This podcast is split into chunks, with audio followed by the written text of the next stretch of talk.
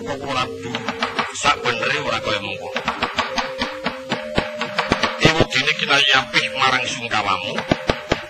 Pun kakang kepingin bakal mangerti dongenge ratu iku sangkan saka ngendi. Sinambi lumaksono ayo tak larapake swan ana kraton ngamarta. Yen panjen Yai Prabu dosa kadang sayugya Yai Dipati. Balio mustipun kakang uga mung sabyantu. Triwolan urane gumantung kepisak wisipun kowe kraton ngamarta. Kula dherekaken koko Prabu kula suwun kali sanget. Saged boten saged kula kepengin badhe nderek ngembani para kadang penjuru kemawon.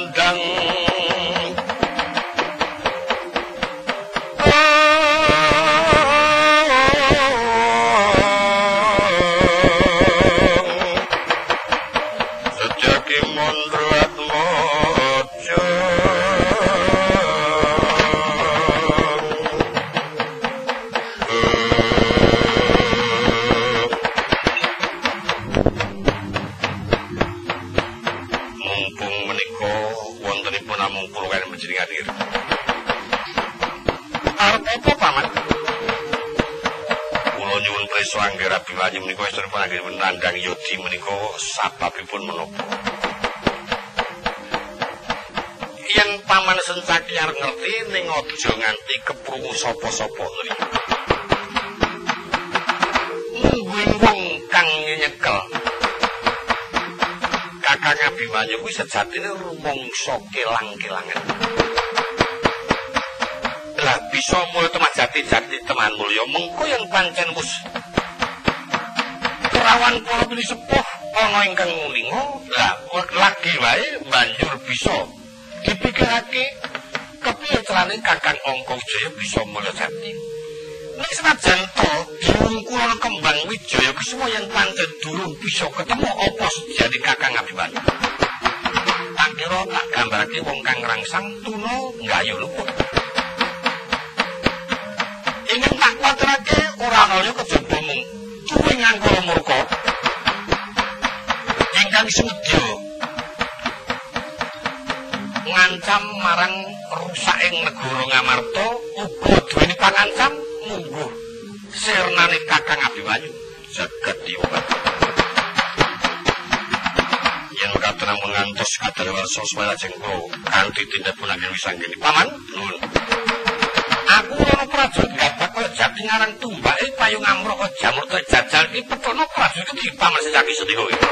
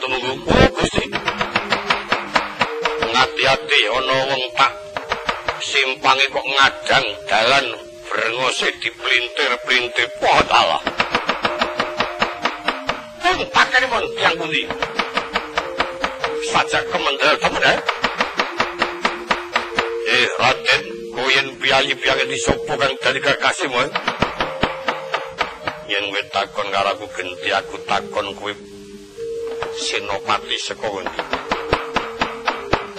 Gowo wadya bolo segelar sepapan. Sinorwedi ing parang kecono ratu ing parang kubito aku Prabu Dirgawati.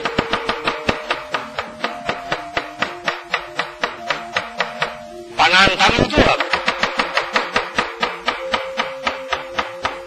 Ora takoni kok ngaku karpe dhewe. Kone dunia lambi turah keloro-loro.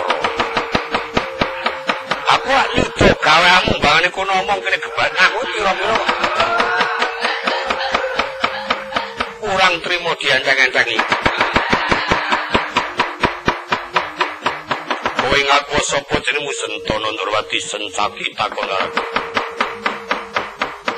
Malah kebenaran kowe bisa ngaku yen Sentana Nurwati kena tak pringgake becik saki. Betara kersa tuduna ana ngendi lenggahi. Awit bakal tak boyong ana ing kraton Palangkecana dawuh ngendikane Koko Prabu Dewa Kumara kena kanggo tumbal negara mulih bisa tata titi tentrem. Ora waton guneman swaramu. Kowe iso ngepok konsane Koko Prabu iso mutung tangane sencaki. Wah. Ate kemedel. Yusuf kegeduk yapane. Ing atase wong Ijen tanpa kontrol tanpa kanti mongko dedep ya ora sepiro kok nantang polisi lewat memoco podo durun. Kanti osok mau kadang diukurang setikan hito memang ketok gurung hojo melebawu.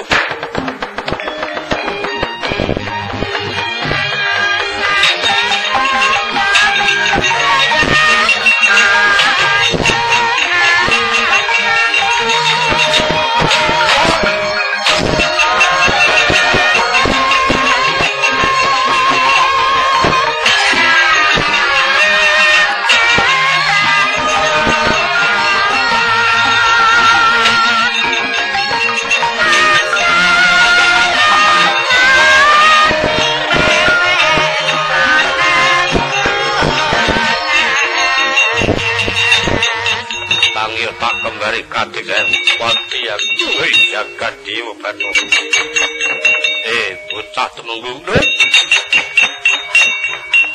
kowe mau dikapake kok wong mati kok digugah mayar temen kula niki janjane nek kasencake niku yen padha dene di rumah ngoten kaya-kaya surya kembar. Mriku nggih brengos, kula nggih brengos. Niku diplintir medeni kula kok brengos kok pinter arek pedes kok ora wedi kok.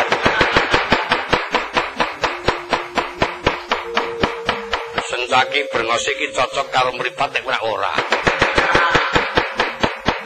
Rada kokan mripate dadi. Ayo pokoke ombong kan mau. nek kanu ngono kok mubeng minger kuwi. Yen cukur ki diati-ati. Nun lamu cukur. Nggon ngiringan barang nek perlu ya dikandeli mosok kek kene tipis kok mburi kandel. Alah ming rambut kok dadi permolo kok. Sing pokoke gawane bisa ngali dono ngali dene. Rambutnya kok dirurui. Ini gawane iso ngenyami. Pas ke kono, rene, ke kiri, ngali rono. Sini iso ngeberi ya. Kalau kalau ini tenggen, kalau petelera. Bayi kan. Bayi po boi. Eh, boi itu kira. Jika kegaman secakit, paten itu.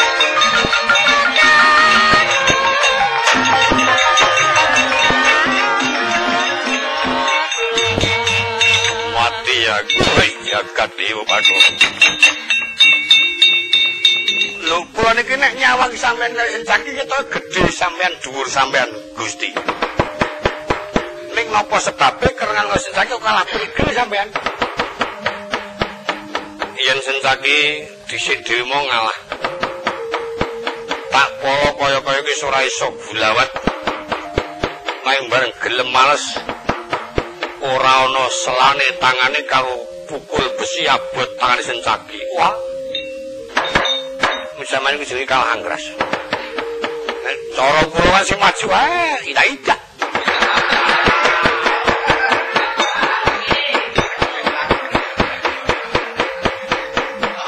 Mau semono wargi dadak wong semua. Wakone jangka. Kali perkara bayu. Saki wadya bolo didawi siyaga tata-tata. Nyekel gegaman sencaki gandeng oleh jen kepung wakul bae bisa mati dirajam kae sun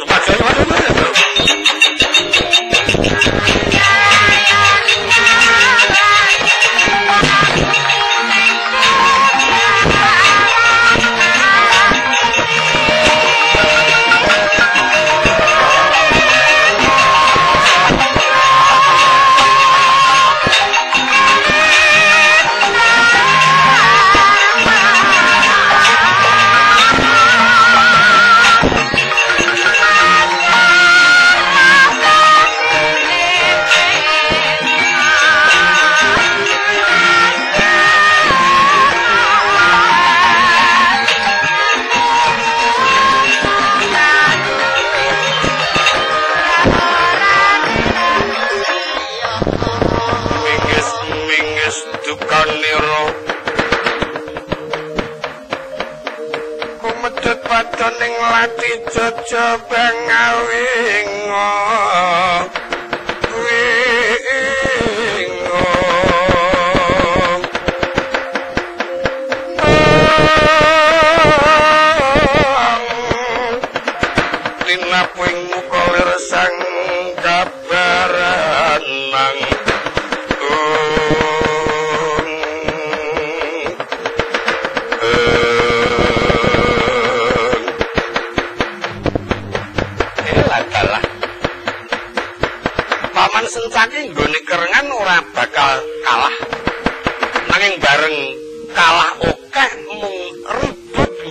tumandang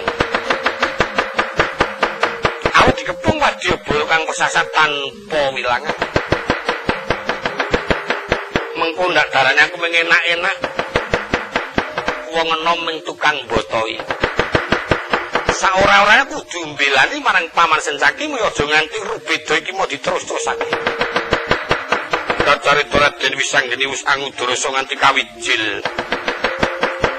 Manang arso ambilani marang paman raden setyaki kang meh kapikut ing ayudo sigra matek aji soro mauto palipun ingkang rama raden janu ana angin kang tanpa sangkan nempuh wadya kang bubar pinu sinapu resik gusistan eneng kang kewi sasaji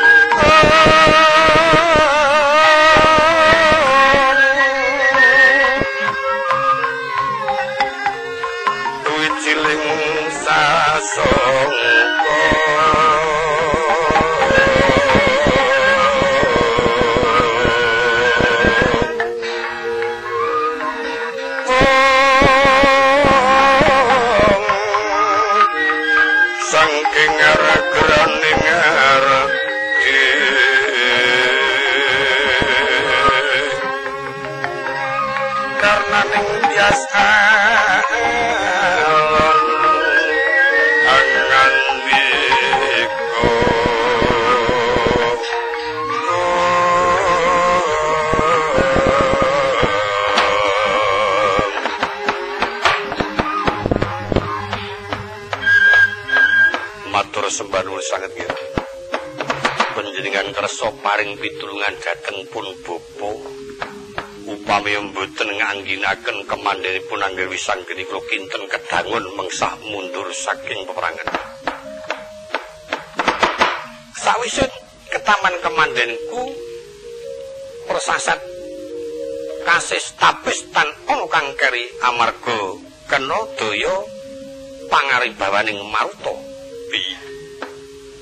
Senajan to ing wujuding Maruta nang kara-karosane gegilani bisa anempuh Purwadyabala kang tanpa langan kuntal saka ing peperangan.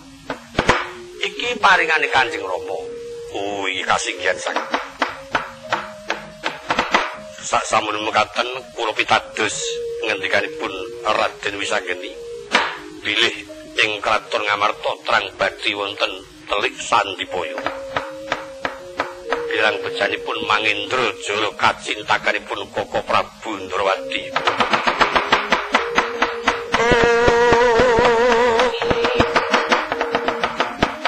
Mundur saking ayuda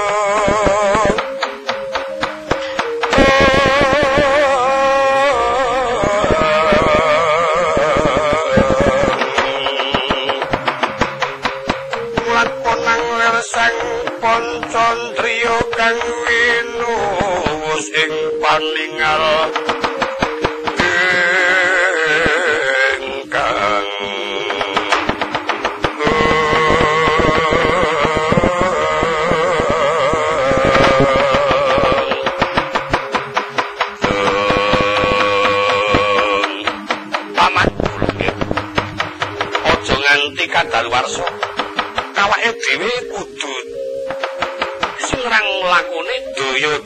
tumkaing kraton Ngamarta. Kula nuwun kasinggihan sanget. Namung panuwun kula dumateng Jawata ampun ngantos wong dadadosan. Kacintakanipun para kadang kula Indra Prasta lan ugi enggal pinaryan mulya jati-jati teman mulya yoga kula Anggrabimanyu. Iya, Paman.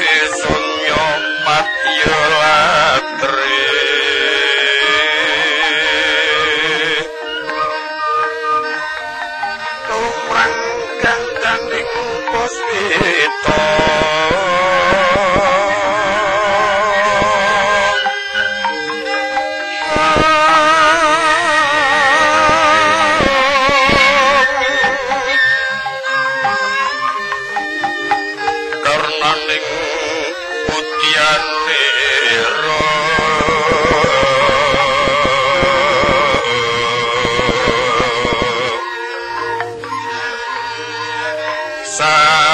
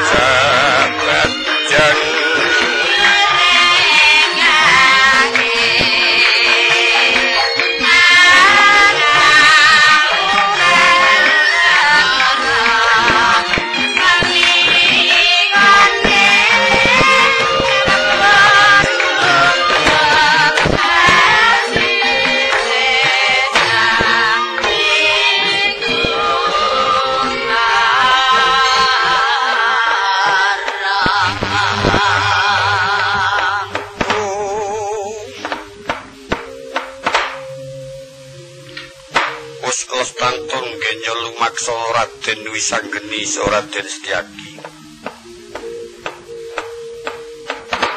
Daya daya tumukain keraton ngamarto suku Indo den uncal-uncal.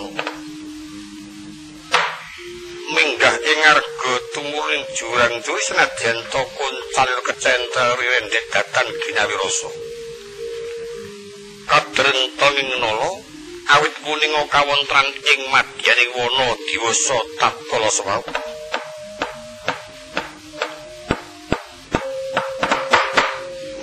Raden Wisanggeni Senajanta iku.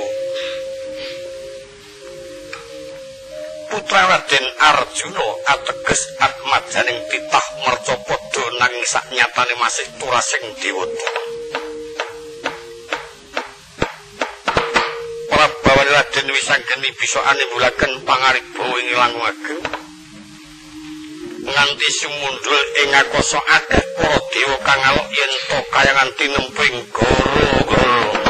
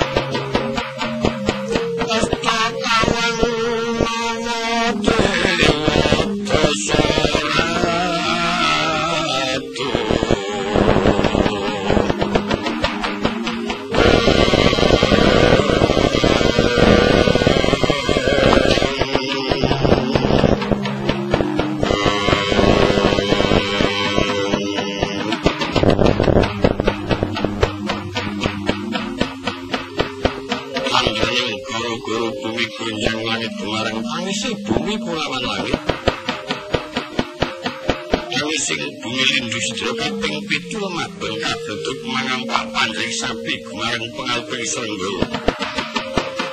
Akatan tukang mati kapentang tuh kesatan mari satu tanang kubu gegrek perone maju. Dari banjir badan tanpa sangkan udan para salamu kubuang pateng panggung di jumang kurokor dedek irati gunung wingsor tahu podo dari gunung. Gorong-gorong jagat kiri-kiri ing aku sulit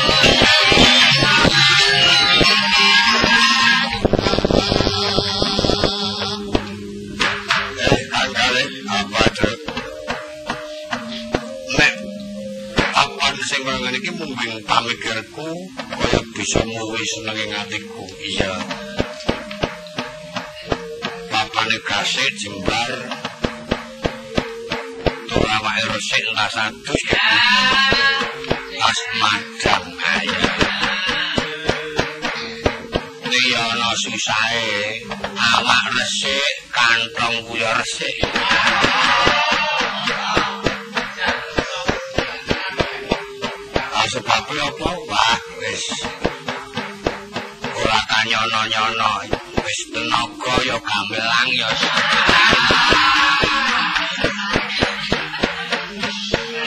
sine kejaba men sedih karo susah gek anak do jalur sandangan jalur opo anak wedok loro jaluk kalung kabeh sing adil aku bijaksana ora tambah cinte ban silakan. Sing ya. Setengah on ya sing cilik ya setengah on ning kabeh wesi. Ojo karo mantok kalungi peneng ngomongi kaya ngene iki tobat nyancret temenan aku ngantek nyeng.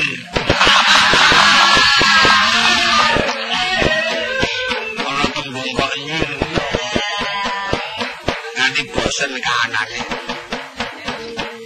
Ngene ya kandhane nek pancen dasare iki wong lanang sing bijaksana ya kudune direwangi mlaku usahane. Kepung karo kanca-kanca sana sedulur. Nek upamane aku wong umum. aku ora umum. Mangga setitik ngono kepandangan. Nah, sebabnya sido aju awakku. Sing jenenge aku ki mara tangan bocah ora tau. Bojoku kalau bocah yo gemati nek mara aku saenake. Ajane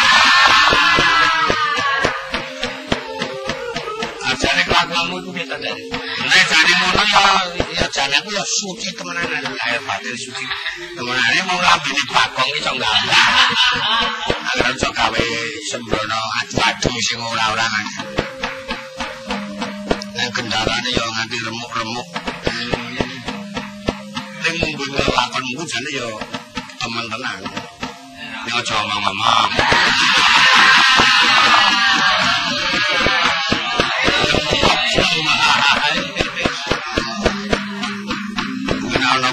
Sesuk diomongke karo mbayu aja ora wae. Nek karo patiku ya janjane ngono ya ora apa-apa aja kanggo gawe. Hiburan. Ning janjane ngono kuwi kurang pengalaman kali. Dengan wong lanang iki nek pengalaman yo kudu sing kaya ngono disrawungi sing ngene iki disrawungi Lah karena nek upamane ki ora ana bagong wis bareng aku dikonco bagong penjahat temen.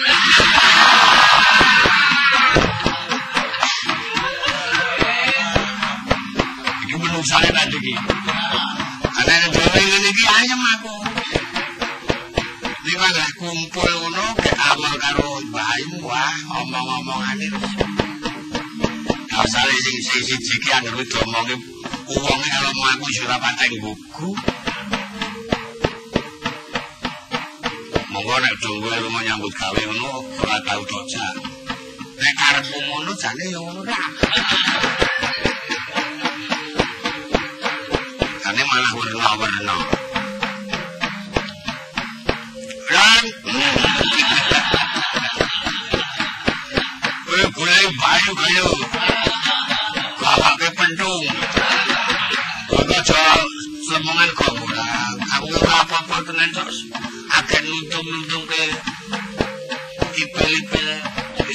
Kempul wak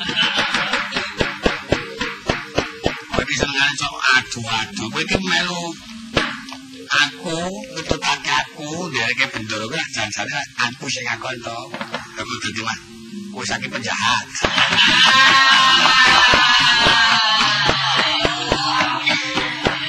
Jane kau ora menjati kowe iki ora reng kowe iki takon umum kaya aku umum karo kaya lho pecu malah ora tak omong akeh angger kowe kita ngono kuwi dadine ora sak protes Macam ngelen sing jenenge bakok iki macam ngelen tenan Apa masenengane kok dhewe-dhewe angger kancane dobi-dobi dolan nekeker nang omah. Ya apa? Sakarang ibu aku ya mung manuk putut kae. Angger iso tangi kula pedati putute kuwi engko yo. Saking seneng-senenge mbahmu gemati ya angger ancok medhati manukku.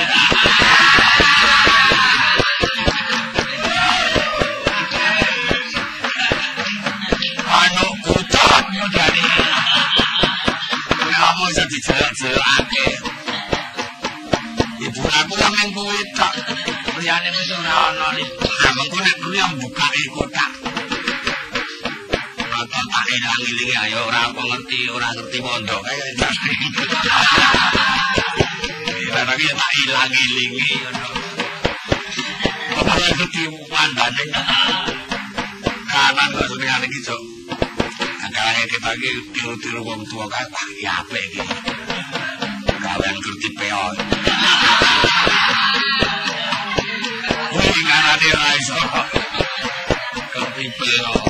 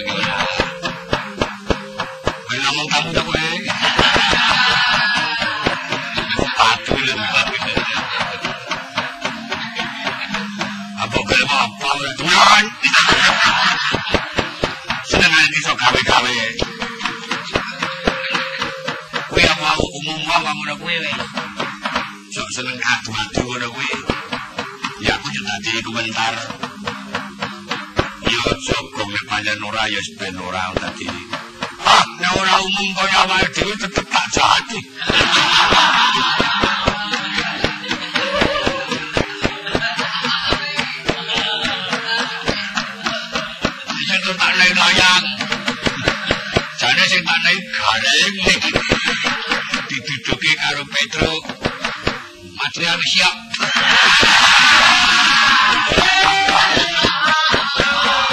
Bapak bangun bangun po piye ta iku? Jane gareng tak duduki kuwi jane. Bila kasar gawe-gawe. Ora genah. Cuma tak jak mrene mempro tak jak seneng-seneng. Rembuk kanan urip awake dhewe. Wah, prayoga mengko banjur seneng-seneng gendingan karo jogetan. Nek aku mulang pamit karo bapakku. Bapak dong endi? Mau awake dhewe diperintah wong tuwa kon jangir mo yen ping teko pacul tak seleke bapak kelalen turu. Oh. Nek bakon ngono wong ora campur awake dhewe ta. Wis pokoke aku wis kepenak kok.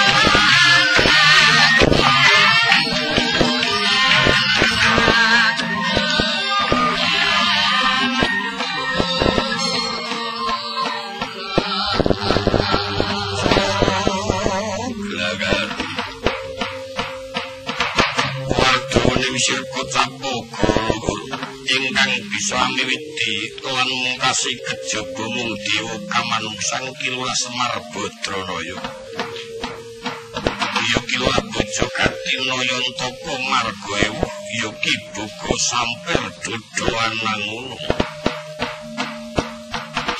Dak ono rombo lenggah ambegogok kaya tenggok melok-melok kaya tembok. senajan koen kulo ditamerta bojone sanyatane ku dewa kamanungsan kang tinanggenah amomong wiji ratu mercapada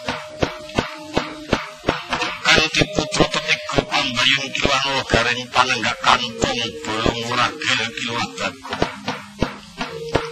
Tuk reko mertoki para putra-putra Usono sami huncat lumajar sami asing dan pumun-pumun yasro kelas margo joloyo kanti milang-miling mulat mbok bilih ulingo marang kiplibeti wakang putra. Sigro katimbalan kina ngajep wonten ngersaruki bogo sampai keparang pangudas semarang griyo sabdan wakiwa semar kawijil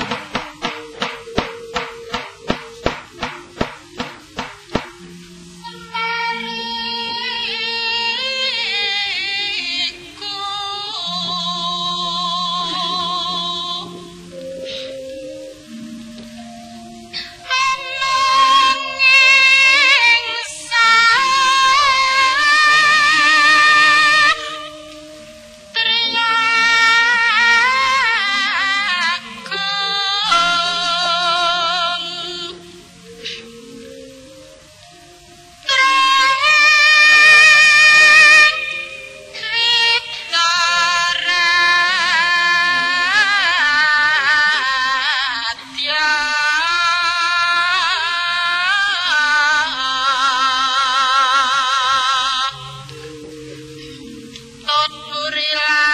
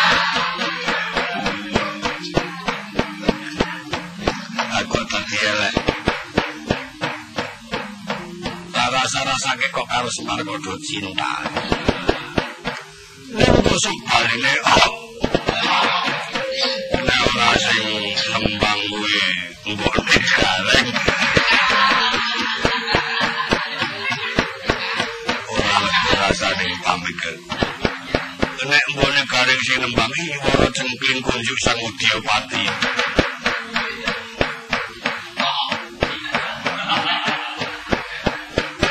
Namun kulo bocah iki mantap padha kating trung ana ngene.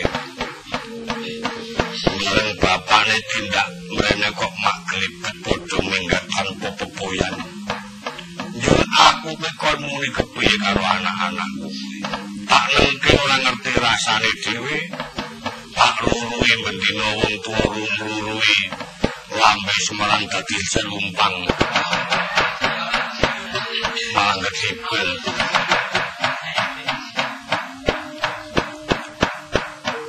Lawang bocah tuwa rumangsaku kok ora ana sing nyuntuk bapakne.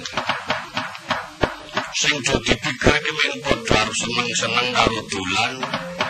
Urip sing kepenak maer-maer. Ada bunga sing ora demek dari sing memimpin rak bapak.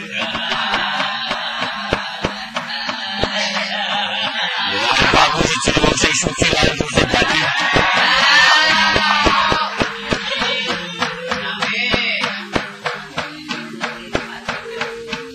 Aku anak-anakne padha mling-mling. Sing jenenge Bagong bendina sing dipengaruhi gareng. Bojone gareng iki pinter. Senajan hmm, kita iku nglite ning ora ketara.